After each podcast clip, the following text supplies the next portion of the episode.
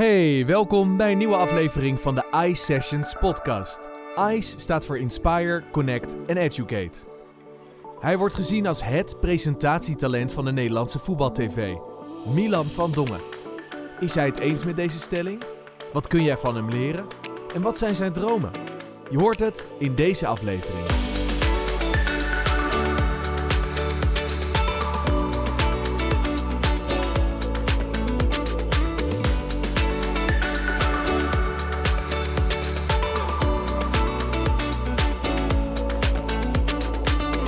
Vertelde, oh, ik ga vandaag Milan van Dongen interviewen. Super veel zin in. Ik vind een mega inspirerende gast. En degene tegen wie ik zei, zei...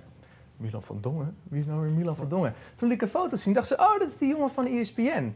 Maar om jou nog even wat meer neer te zetten bij de, bij de kijker... even vijf korte vragen, gewoon om je beter te leren Mhm. kennen.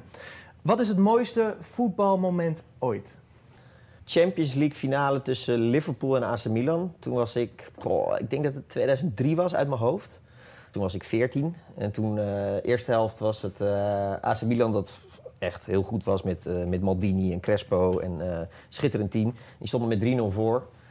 En toen, eh, ik was nog best wel jong, kan ik me herinneren. Dus ik dacht, en ik had volgens mij de volgende dag een belangrijk tentamen of iets dergelijks. Dus ik twijfelde nog om naar bed te gaan. En ik was aan het appen met een vriend van mij, die, die heeft dat wel gedaan. En, maar ik ben toch maar blijven kijken. En dat, eh, wat volgde was de meest, meest schitterende wedstrijd Ja. ooit, vind ik.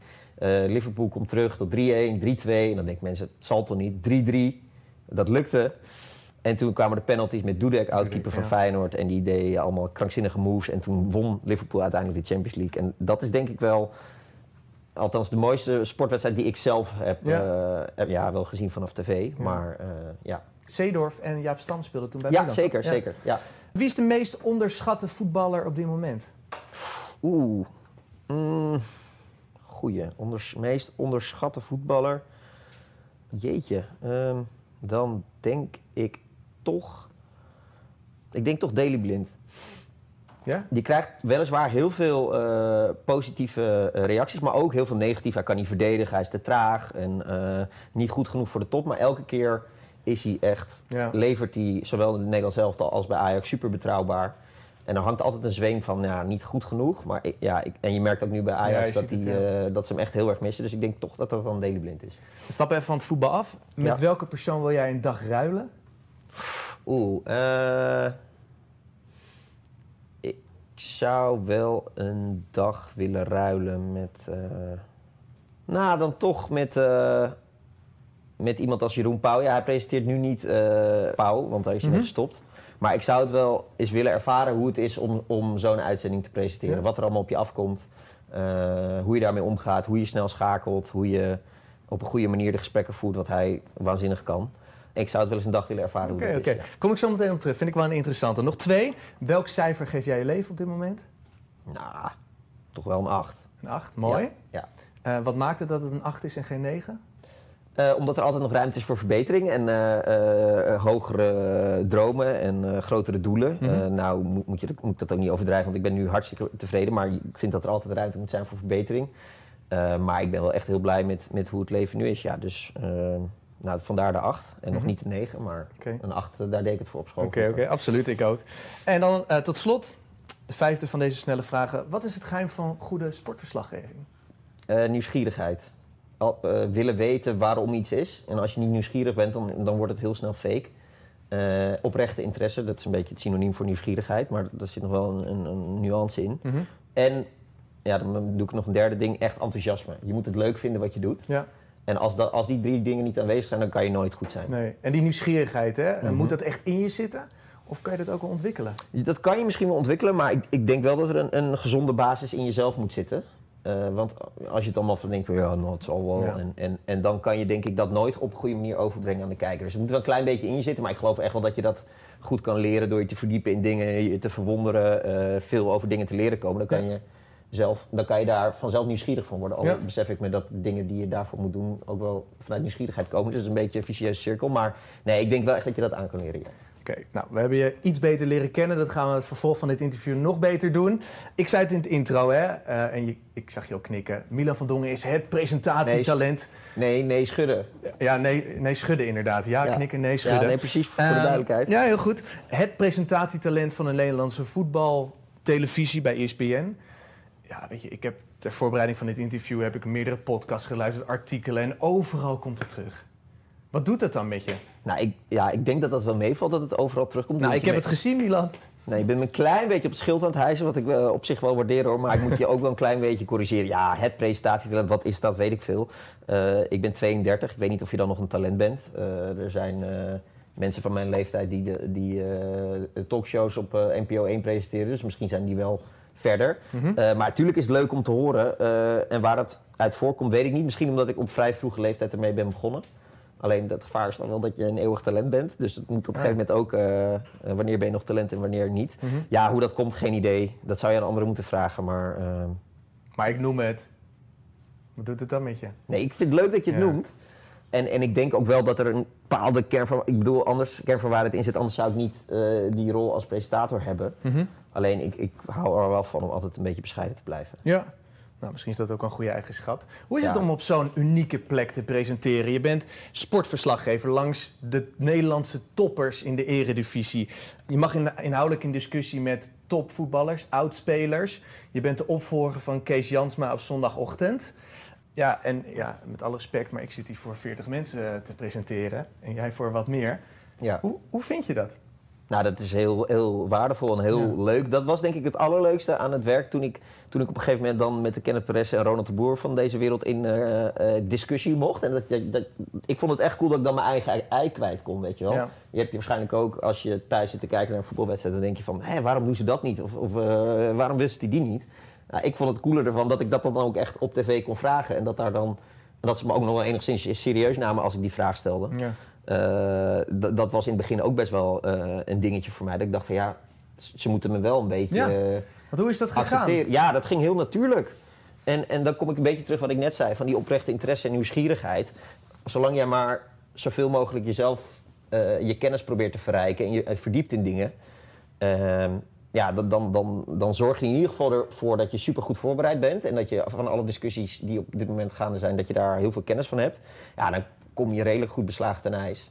Ja, en blijkbaar ging dat bij mij goed in het begin. Maar ik vond het doodeng in het begin, de, de allereerste keer dat ik met die gasten in de studio zat. Ja, dan ga je, op een gegeven moment moet je een paar vragen stellen, want daar ben je daarvoor neergezet. En de leiding denkt blijkbaar dat je dat goed kan. Ja, en dan, dan hoop je maar dat ze daar op een normale manier op reageren. Ja, Nou, dat deden ze gelukkig. ja.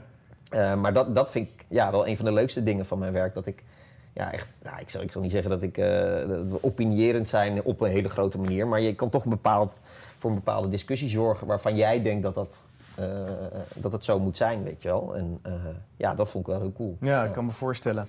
Elke Ice Sessions aflevering krijgen we een kijkersvraag. En deze week is de kijkersvraag van Zita. Hoi Milan, ik ben Sita, ik studeer sportkunde. En ik ben benieuwd op welke manieren jij naast actueel ook inhoudelijk een interessante presentator blijft. Hoe je actueel, maar ook inhoudelijk een interessante presentator blijft. Ja, dat, dat, is, dat is moeilijk, want eh, je wil, ja, inhoudelijk, dat, dat stopt nooit. Dus ik wil eigenlijk van alles op de hoogte zijn. Maar wat is alles? Eh, alles is dat je werkelijk alles leest, dat kan niet. Alleen, ik, ik, ik heb mezelf wel echt voorgenomen en ook wel geleerd van mensen van... zorg in ieder geval dat je je eigen zaakjes op orde hebt. En dat je, eh, nou, dat je goed beslagen ten ijs komt, wat ik net al zei. Maar ik vind het ook belangrijk dat je... Kijk, ik ben sportpresentator. Maar ik vind het ook belangrijk dat ik gewoon... Nou, dus actueel... eh, wat ziet hij toch? Zita, ja. Ja, wat Sita zei actueel. Dus ik, ik vind het heel belangrijk dat ik ook alle actuele politieke discussies volg. Dat, dat je de, de- de- het maatschappelijk debat volgt. Want dat kan altijd ter sprake komen in, in, eh, in gesprekken. Ook als het over voetbal gaat. Ja, inhoudelijk, ik probeer ook gewoon heel veel de krant te lezen. En dan, dan kijk ik eerst naar de sportpagina's, maar dan ga ik ook naar de andere pagina's. Ja, en ik geloof dat je daar een, een, een beter mens... Of nou, beter mens, dat klinkt heel... heel- Completer misschien. Completer, dat, dat, Ja. is een beter, dat is een betere omschrijving. Dat je ja, door van veel dingen eh, veel te weten, dat je daardoor op, een- op een ander niveau, eh, of ander niveau, maar een goed niveau kan, kan nadenken over dingen. Ja. Ja, eh, zo probeer ik dat wel een beetje. Dus ja, eh, veel lezen eigenlijk. Eigenlijk zou ik nog ook heel veel boeken willen lezen, romans, omdat ik geloof dat je daar ook eh, beter van wordt. Dat je met situaties in aanraking komt waar je over gaat nadenken. Alleen daar heb ik te weinig tijd voor en daar baal ik wel heel erg van. Hm. Ja, maar goed. Maar eh, kan je eens een voorbeeld geven van iets wat je vijf jaar geleden deed en nu compleet anders aanpakt? Gewoon omdat je ervaring hebt Ja, opgedaan. nou ja, bijvoorbeeld als ik een, eh, een interview ga doen na een wedstrijd. Dat, dat, ja, dat zijn vaak daar wordt heel erg op neergekeken door veel mensen. Van, oh, die voetballers geven allemaal cliché-antwoorden en zo. En uh, daar komt nooit wat uit. Ik ben daar een beetje tegenstander van. Want ik denk als je de goede voetballers interviewt die een verhaal hebben... dat daar wel degelijk wat kan uitkomen. Mhm. En vroeger ging ik altijd uh, opschrijven precies de vragen die ik wilde stellen. vijf vragen op een rij. En dan ging ik vervolgens die vijf vragen afwerken. afwerken. En dan was ik al heel zenuwachtig. Als ik merkte dat iemand aan het einde van zijn antwoord kwam, dan ging ik kijken van, oh ja, wat wilde ik nu weer stellen? Nou, dat heb ik helemaal laten varen, want je, je moet een gesprek hebben. Je moet niet een vragenlijstje afwerken. Dan wordt het vreselijk. Dus ik heb nu, nee, ik me voor, ik wil twee hoofddingen of twee, drie hoofddingen weten van iemand. En daar, zo ga ik te werk. En dan kan het zo zijn dat ik vijf seconden voor het interview nog niet eens weet welke vraag ga stellen. Maar als iemand dan uh, vlak voordat we beginnen pff, doet, dan, dan kan ik ook zomaar zeggen: Oh, pff, uh, ja. wat is er? En, en die flexibiliteit of die, ja, die vrijheid, die heb ik mezelf wel verschaft door het heel veel te doen en, en ervaring op te doen. Ja. Zodat het gewoon natuurlijk is. En, en op het moment dat het een beetje nep wordt, dan kijkt, de kijker ook wel doorheen. Ja.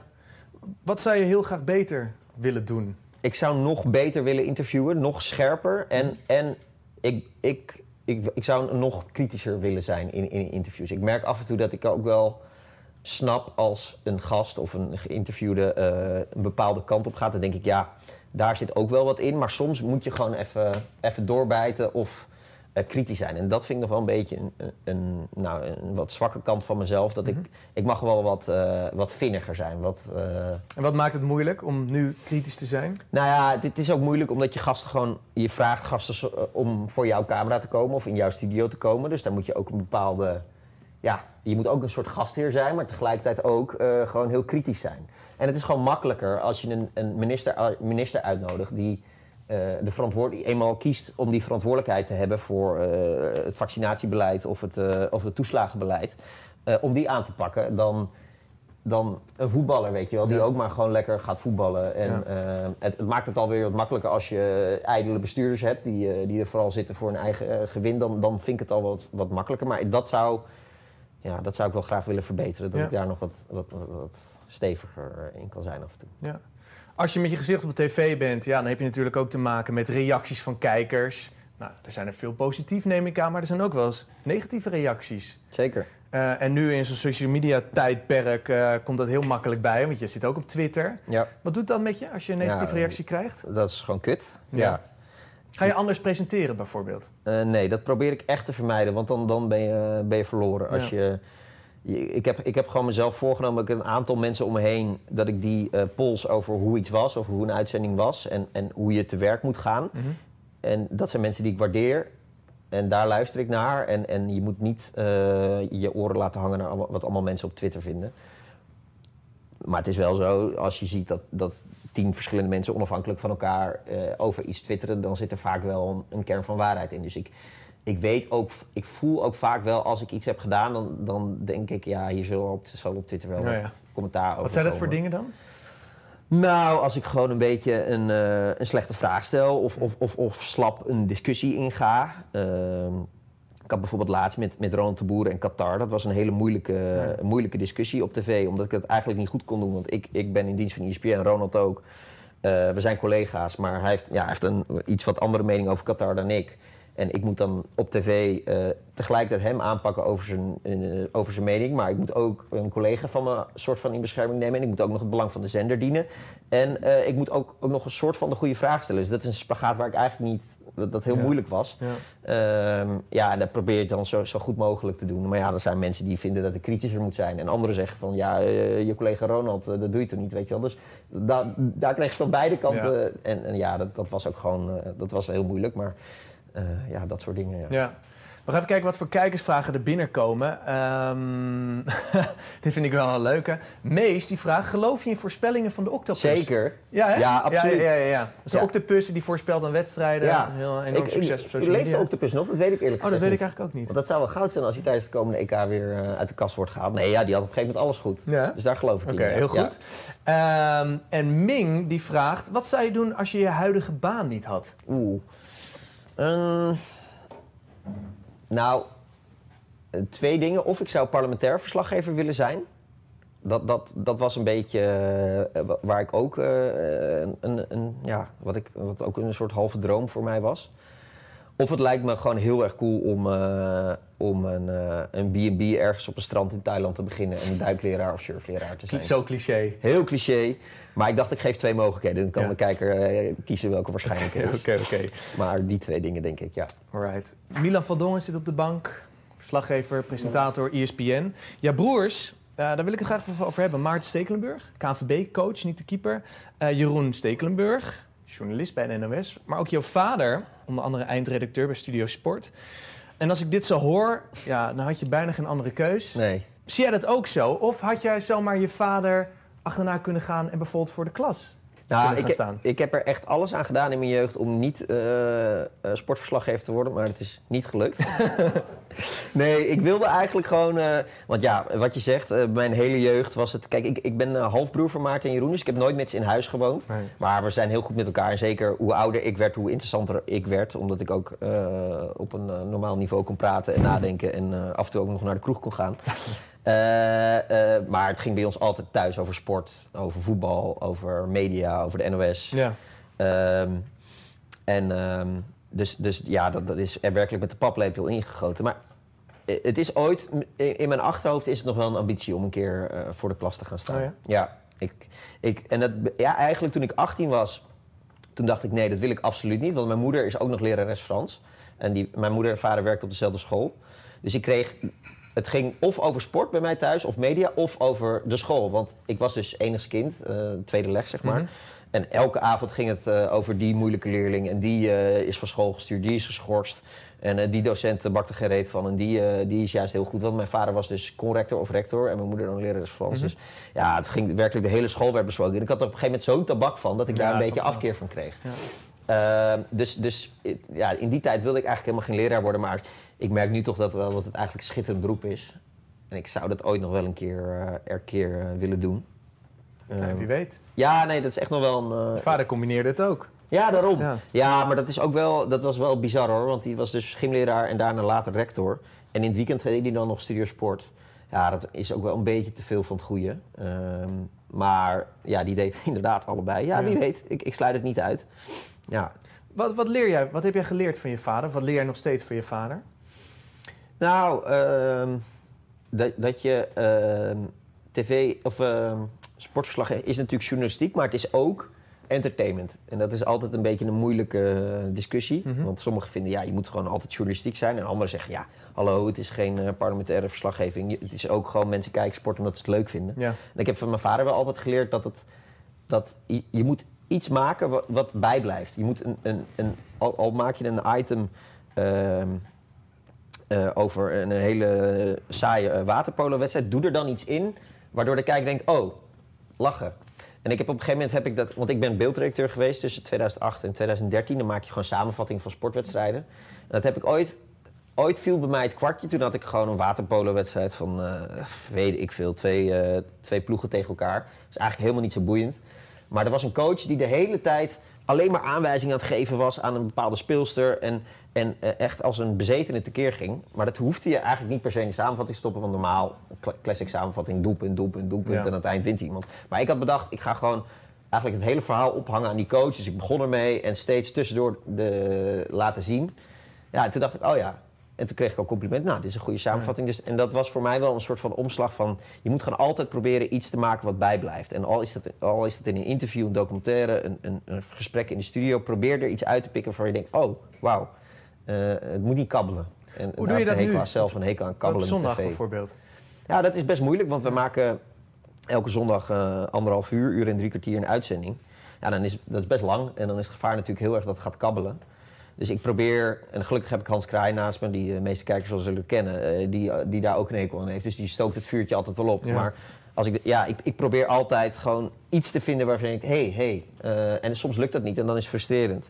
Maar meestal lukt dat wel, en, eh, althans denk ik. Ehm, ja, en, en, en Weet je, of je moet hem een keer gaan ontregelen. Dat iemand een glas water drinkt en dat het misgaat. Oh, eh, gaat het wel goed? Of ja, weet je, het is een beetje een suf voorbeeld, maar, maar dat soort dingen. Ja. Eh, dat heb ik wel, dat is denk ik wat ik van mijn vader het meeste heb geleerd, ja.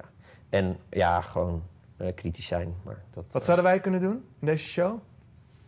Nou, gewoon eh, dat jij nu tegen mij zegt van... eh, Het schaakbord erbij. of zo. pak het schaakbord er even bij en eh, doe even de herresmat. Oké. Dat soort dingen. Ik ga er even over nadenken nog. Oké. Ehm, nou, mooi voorbeeld hè, wat je leert van je vader. Het is nu simpel om te zeggen wat leer je van je broer Jeroen, die ook sportjournalist is. Maar ik ben wel benieuwd, wat leer je van je broer Maarten, die voetbalcoach is? Wat leer je van hem? Nou, hoe teamprocessen werken. Dat. Want hij is dus nu eh, eh, assistent van Frank de Boer. Was daarvoor assistent van Ronald Koeman. Mhm. Dus ja, dat is waanzinnig, waanzinnig interessant natuurlijk. Ehm, en dan, en, en dan, als ik dan met Maarten spreek, dan, dan, dan ga je ook wel anders denken over, over hoe een team werkt. En, en hoe, eh, ja, hoe zo'n voorbereiding van zo'n, van zo'n ploeg is. Wij in de media of, wij, of de gemiddelde voetbalsporter denken, ah, wa- waarom presteren ze niet en waarom doen ze dat niet? En als je dat met Maarten spreekt, dan, dan krijg je wel mee hoe waanzinnig intensief zo'n proces is. En, en dat er aan, werkelijk aan alle details wordt gedacht. En ook qua voeding en, eh, en, en noem het allemaal maar op. Dus dat heeft mij wel een beetje doen beseffen dat het... Je moet niet te snel zo makkelijk oordelen maar over... Ah, waarom bakken ze er geen reet van? En eh, eh, er zit ook altijd wel iets achter van waarom iets Ja. niet lukt. En, en sowieso, ja, het is, ik vind het waanzinnig interessant om, om die verschillende... ik heb Jeroen uit de media en Maarten uit de voetbalwereld zelf. Ja, dat, ja, dat is wel waanzinnig interessant Ja. om dan met z'n drieën daarover te bomen. Ja, Ja, inderdaad. Het verrijkt ook je werk als journalist, ja, presentator, ja heel erg. Ja. Ja. Ja, ik kan me Het voorstellen. is wel lastig hoor, want ja, hij, hij vertelt ons natuurlijk... eh, sommige dingen vertelt hij niet, weet je wel, over het Nederlands elftal. En terecht, want voor mij is dat eh precair. Maar voor Jeroen nog veel meer, want die is eh, vaste volger van het Nederlands elftal. Dus Maarten kiest gewoon zelf wat hij zegt. En die zal nooit het team in discrediet brengen. Maar sommige dingen zijn leuk om, eh om Maar als je om een keer de primeur brengt, dan weten de media jullie wel te vinden. Dan weten ze waarschijnlijk waar het vandaan komt. Ja, ja en, dat, en dat willen we dus ten alle tijden Oké. vermijden. Want ik wil Maarten en Jeroen ook niet... eh, wij willen Maarten gewoon niet in, een, eh, in die positie brengen. Nee. En, en dat vinden we gewoon niet fair. En eh, ja, dat, zo belangrijk is het nou ook weer niet die Nee. primeurs. Dan maar even een primeurtje minder. Ja. Wat is kenmerkend voor ehm, de familie Stekelenburg, waar je ook onderdeel van uitmaakt? Weet je, ze zijn allemaal succesvol. eh, succesvol. Wat ik juist grappig vind ook, is dat de broer van jouw vader Jan eh, burgemeester van Tilburg eh, Ja. is, is geweest. Waarom is de familie Stekelenburg zo succesvol? En werken jullie allemaal in de top van de voetbalwereld, sportjournalistiek, nou, burgemeester, je vader, Ja. rector? Tja. Ja, dat weet ik eigenlijk niet zo goed. Ik bedoel, ik zou niet een, een gemene deler kunnen opnoemen waardoor we alle, nou, allemaal zo succesvol, maar allemaal, Mhm. ja, bekend weet ik het. Maar eh, waar dat zo is, ja. Ik weet niet, gewoon, ik, ik, wat we wel allemaal proberen te doen is, is oprecht te zijn en oprechte interesse te hebben en, en, en aardig te zijn. Dat, dat idee heb ik wel en, en te geven om, om mensen. Ik weet niet of, of dat je verder brengt, maar dat, dat is, als ik een gemene deler zou moeten noemen, is, is dat het wel ja, sociaal is naar elkaar. Eh, maar of dat de reden is hoe dat zo is gekomen, dat, dat weet ik niet zo eerlijk gezegd. Nee, ik kan er niet even 1, 2, 3 Nee. iets, iets voor noemen. Nee. We gaan even kijken wat voor kijkersvragen er binnenkomen. Heb je zelf een vraag aan Milan? Stel het in de chat van deze YouTube livestream. Jamie eh, die vraagt: wat doe je als er eh, bijna geen voetbalwedstrijden zijn? Met mijn vrienden naar de, ja, niet naar de kroeg Nee. helaas.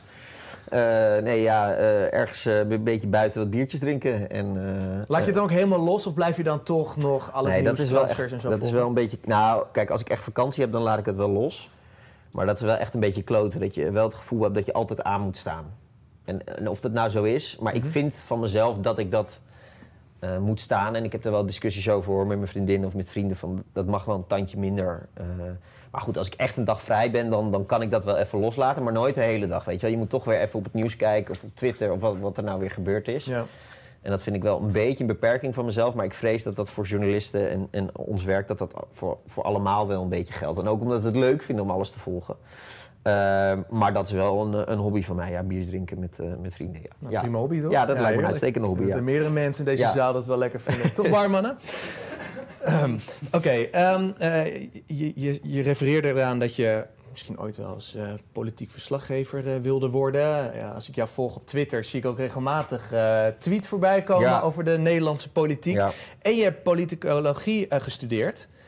Wat fascineert je zo aan politiek? Tja. Eh, ja, ik, ik, het heeft ook best wel veel overeenkomsten met voetbal, weet je wel. Want omdat, ja, maar ook... ook eh, Welke positie bekleedt Mark Rutte dan? Nou, dat is toch wel de, de aanvoerder. eh, eh, die niet altijd zichzelf even populair maakt. Nee, nou ja, de overeenkomsten met voetbal zijn gewoon zo'n debat. Dat is natuurlijk ook een soort arena waar, waar partijen tegen elkaar strijden. En, en allemaal hun best doen om de ander te vloeren. En, en ook, ook de interviews na zo'n debat, weet je wel. Dat, eh, ja, dat, eh, ja, ik zie daar wel bepaalde overeenkomsten in. Maar dit is een beetje een eh, te vergezochte eh, verklaring hoor. Maar ik, het heeft me altijd gefascineerd. Mhm. Ook omdat nou ja, mijn oom was dus, de tweelingbroer van mijn vader was leider van de FNV. prominent in de PvdA, bestuur, Ja. burgemeester van Tilburg. Dus, Ja. maar ik kom sowieso uit een behoorlijke eh, familie, sociale familie die daar heel erg mee bezig was. Ehm, dus het is ook, ook dat is een beetje met de paplepel ingegoten. En met name bij de Nacht van Wiegel is het er bij mij echt... eh, toen is het zaadje bij mij geplant, weet je wel. Dat, dat, ik, snap, ik snapte het natuurlijk niet, want ik was nog best wel jong. Ik was 11, 12 denk ik. Volgens mij was het 2001 uit mijn hoofd. Nou goed, maakt ook niet zo heel veel uit. Of iets eerder. En eh, ik snapte dat allemaal niet. Eerste Kamer, Tweede Kamer. Dus toen ben ik me daar waanzinnig in gaan verdiepen. De honderd vragen aan mijn vader gesteld. En toen raakte ik echt gefascineerd door dit. Want oké, je moet dus met meerderheden werken. En je moet elkaar eh, helpen. Maar je moet ook eh, elkaar bestrijden. En dan, dan een paar jaar zijn er weer verkiezingen. En dan kan je weer... Ja, en gewoon dat hele, die hele mix van elementen. Dat fascineert me echt mateloos. Ja. En daarom ben ik ook politicologie, politicologie gaan Ja. studeren. Omdat ja, ik heb gewoon waanzinnig veel interesse voor. Ja. Ook omdat ik, ja, ik, ik zou het fijn vinden als iedereen gewoon probeert een beetje de wereld beter te maken. Eh, dus dat, dat, dat morele gevoel zit er ook nog wel bij. Zonder, zonder daar heel erg eh eh patserig of plotserig over Maar dan moet je zelf de politiek in gaan in plaats van Ja, maar daar zit ik dus altijd, zit ik ook nog in mijn achterhoofd mee. Maar dan denk ik ook, ja, pff, het is ook wel een hondenbaan, jongen. Het is echt een hondenbaan. Je, je, je zit, eh, elke avond zit je al die dossiers te vreten. En als je dan één minuscuul detailtje hebt, eh, bent vergeten, dan pak, pak ze daar weer op. Ja. En dan, dan, terwijl je het, ah, ik geloof echt oprecht dat al die mensen die daarin zijn gegaan ook een beetje de wereld beter willen maken. De ene willen door de belastingen voor rijken te verhogen en de andere de belasting voor armen eh, te verhogen. Dat snap ik allemaal wel. Dus de, de- de- van rechts naar links. Maar die, al die mensen zijn wel erin gegaan omdat ze de- denken van ja, ik, ik heb het gevoel dat ik kan helpen om de wereld een beetje beter te maken. En ik vind ook dat, dat de media daar veel te veel mee bezig zijn om, om mensen te pakken op kleine dingetjes, ophef, dat, dat die weer in het verleden een verkeerde tweet heeft gestuurd of, of, of, of eh, weet je, eh, of die eh, ergens in een uitzending weer iets over die heeft gezegd. Kijk naar de grote lijnen en, Ja. en, en, en hoe Nederland beter gemaakt moet worden en niet naar al die kleine ophefdingetjes. Daar word ik wel een beetje moe van. Ja. Wij ehm, zitten nu vlakbij Hogeschool in Holland. Start-up Campus Haarlem is ook onderdeel van in Holland. Hoe was je als student? Oh, eh, Stereotype, lekker eh, tot laat in de genoeg, kroeg, genoeg nemen met de 6,5 tot laat in de kroeg. Maar wel altijd net zorgen dat, dat het goed kwam, Ja, weet ja. je wel. Dus eh, ik had ook wel het besef van, oké, kut, ik moet nu even, even, even aan de weg timmeren. Even een weekje niet, niet te veel eh, de kroeg in. Mhm. Eh, maar ik was geen modelstudent die, eh, die alles voor een 8 en een 9 deed. Eh, en op een middelbare school eigenlijk ook niet. Maar ja, het klinkt een beetje arrogant, maar het ging me gewoon ook wel redelijk gemakkelijk af Mhm. omdat ik gewoon wel door had van, oké, als ik dit moet ik even goed doen. En dan dat even volgen, die samenvatting lezen. Of dat boek juist helemaal lezen. En dan, ja, ik, ik, ik, ik fladder er een beetje doorheen eigenlijk. Eh, ja. En, en, en welke herinnering uit je studententijd vertel je over 60 jaar in je kleinkinderen, denk je? Oh, zo. Eh, jeetje. Nou, het, allerleukste aan eh, mijn studententijd vond ik UNISCA. Dat is een Mo- Model United, op de Universiteit van Amsterdam heb je Model United Nations. Dus dan gaan ze de Verenigde Naties naspelen. En eh, ik hoorde van iemand boven mij zat dat het echt fantastisch was. Dus ik heb me daar toen voor ingeschreven. Ah, en ik had nooit kunnen verwachten dat dat zo leuk was. Je, je, je speelt een week, speel je gewoon een poppenkast met elkaar met 80 studenten van over de hele wereld, wat superleuk was. Ja, en de ene is Rusland in de, in de Verenigde Naties, de andere Amerika, dan die en weer China. En ik was dan met een eh, medestudent van mij voorzitter van de Veiligheidsraad, dus wij waren dus een soort van jury. Ja, en het was gewoon heerlijk dat je gewoon van maandag tot met vrijdag overdag speelde je een volledige poppenkast. En dan eh, ging je die hele formele taal ging je elkaar dan aanvallen. En ik moest dat dan met mijn eh, medestudent van de jury een beetje eh, in de gaten houden en een beetje goed leiden. Mhm. En dan s'avonds ging je met z'n allen heel veel bier drinken en dan weer, liet je dat weer allemaal los en ging je dat met z'n allen analyseren. En dan de volgende ochtend om, eh, om 7 uur begon, of om 8 uur begon het weer. Ja. En dan moest je weer scherp zijn. Eh, en ik vond het, dat was gewoon een week eh, op je toppen van je kunnen presteren in een volledige bubbel. Ja. En die leerde ook allemaal mensen van over de hele wereld kennen. Wat superleuk was, waar ik nog steeds best wel wat contact mee heb. En ja, dat, dat was wel het hoogtepunt eigenlijk. Ik vond het echt superleuk. Ja, ik kan me voorstellen. En als we het echt voor die studententijd hebben, serieuze deel, maar daarna gaan we soms even gas erop geven. Ja, Ehm, ik kan me best voorstellen dat jij, als jij gewoon even lekker gaat stappen met je vrienden, dat je wel eens voetballers tegenkomt. In de stad bijvoorbeeld. Ja. Maar ja, aan de ene kant. eh, ja eh, dat voordeel was toen ik, toen ik studeerde. maar toen nu... studeerde- nee, nu, ik bedoel even Oh, een koppeling naar nu. Ja, ja, ja nee, zeker. Ja. Ik heb wel eens met voetballers in de kroeg gestaan, ja. ja. Ja, hoe is dat? Want enerzijds, en dat is een aanname van mij, wil je toch de afstand bewaren. Want jij moet ze soms kritische vragen stellen. Ja. Anderzijds ja, is het ook wel weer leuk om Nee, gewoon ja, met die jonge gasten... Ik leef eh, me altijd heel erg in van hoe zou ik het zelf vinden als eh, ik voetballer was en die sportverslaggever zou de hele tijd over voetbal willen praten. Ik heb het ook zelf wel eens, als ik herkend word, dat mensen alleen maar over mijn werk willen praten. Terwijl ik juist fijn vind als ik in de kroeg sta, dat ik even met mijn vrienden over andere dingen van voetbal kan praten. Eh, eh, dus ik, ga dan, ik voel dan aan van als ze daar niet zo heel veel zin in hebben, dan, dan heb ik het gewoon over de rest van je dingen, hoe het met zijn vriendin is of weet ik het, weet ik het Mhm. wat. Maar als zij zelf eh, heel erg over het werk beginnen, ja, dan, dan, dan vind ik het wel leuk om, om daar Ja. ook over te praten. Omdat je dan ook misschien dingen te weten komt of meer over die gast leert kennen. Maar ik ga niet heel erg pushen van ik wil dat en dat van je weten. En wat, wat is dat nou voor een kuttrainer en zo, weet je wel. Nee, Nee. dat vind ik ten eerste niet netjes. Nee. En die gast is ook aan zijn vrije avond bezig. Dus Ja. nee, dat wil ik dan wel zo Met wie, heb je, want, want met wie heb jij goed contact binnen de voetbalwereld? Nou, ik hou er niet zo van om met veel voetballers heel erg goed contact te hebben. Want het kan ook gewoon zomaar zijn eh, dat als ik heel erg met die voetballers ga, ga appen en eh, oh, wat, eh, wat was je goed vandaag. Ja, twee weken later kan ik ook gewoon hem kritisch moeten bevragen als hij een rode kaart heeft gehad of zich belachelijk heeft gedragen. Dus ik hou er niet zo van om heel goed te zijn met voetballers. Dus er zijn eigenlijk heel weinig voetballers waarmee ik echt goed ben. Ja. Ik ben alleen wel drie jaar geleden met Jong Oranje mee geweest om een documentaire, te maken in eh, Zuid-Amerika. Ja, dat was wel echt lachen. Dan, ja, die jongens waren toen nog broekies. Dumfries, eh Koopmeiners, Guus Til, Justin Kluivert. En die, ja, wij waren echt dedicated of embedded. Dus we waren in hetzelfde hotel. We zaten ook met ze te eten. Dus die gasten heb ik toen wel allemaal goed leren kennen. En die stuurde ik nog wel eens een appje van als, als het goed gaat, eh, gefeliciteerd of eh, kut dat je weer wissel zit. Maar daar blijft het dan ook wel bij. Ik ga niet heel erg vragen van, eh hey Denzel, waarom is Van Bommel nou ontslagen en, Ja. en wat heeft hij allemaal misdaan? Want ja, ik, ten eerste, wat ik met het argument van net en ja, ik vind het ook gewoon niet zo netjes om dat, om dat zo te doen. Nee, nee. En, en weet je, wij leven ook niet van primeurs. Een krant, de, eh, kranten leven van eh, dat zij groot nieuws brengen. En dan worden die kranten meer verkocht. Wij leven van, wij zenden die wedstrijden uit en daaromheen maken, proberen we mooie programma's te maken met mooie items. Eh, maar wij zijn niet de dedicated nieuwsjagers zoals andere mensen dat, dat misschien zijn. En ik heb dat gen sowieso ook niet heel erg van nieuwsjagen. Nee. Even een blik op de toekomst. Ik ben gewoon heel erg nieuwsgierig hoe je jouw eigen toekomst zou schetsen. Wat zie je dan voor je? Blijf je het werk doen wat je nu ook doet? Of ga je bijvoorbeeld een stap maken naar iets breders, zeg maar à la Henry Schut Olympische Spelen? Of ga je misschien meer richting Jeroen Pauw en eindig je met een talkshow op eh, RTL 4 of NPO 1? Wat denk je? Nou, ja, wat wil je?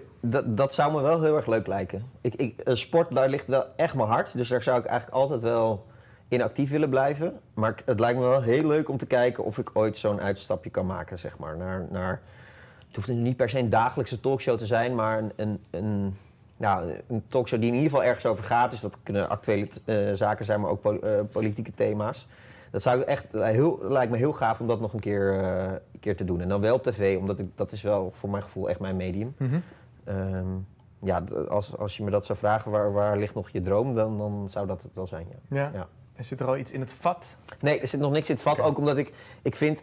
Maar daar, daar zal vast niet iedereen het over eens zijn. Maar ik vind dat je daar wel een bepaalde bagage voor moet hebben. Ik vind niet dat als je 28 bent of 30, dat je dan eh op één zou moeten presenteren. Of, of een eigen talkshow. Eh, ik vind dat je daar ja, gewoon levenservaring voor moet hebben. Ik ben, ben veel verder dan toen, vier, dan jaar geleden.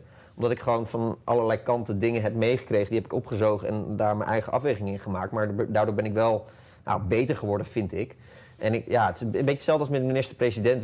Dit is een domme vergelijking. Maar ik vind ook iemand die... Kijk, Justin Trudeau, tuurlijk, hij is jong en, en het, is, het is een uitzondering. En hij is waarschijnlijk Premier Canada, hè? ja, premier Canada, krankzinnig getalenteerd. Maar toch vind ik dat je daar wel iets meer levenservaring voor moet hebben om, om die functie te kunnen. Ja. En dat vind ik eigenlijk ook voor als je een talkshow over belangrijke thema's op tv eh wil doen, vind ik dat je daar een beetje bagage voor moet hebben. Dus Ja. over een paar jaar misschien. Nou, we gaan het zien. Ja. Onwijs bedankt voor vandaag. Leuk dat Jo. je te gast wilde zijn bij de Ice Sessions. En elke gast in de Ice Sessions krijgt een bijzonder cadeau. En ik ben benieuwd waar die terecht gaat komen. Namelijk de oorkonde voor inspirerende spreker.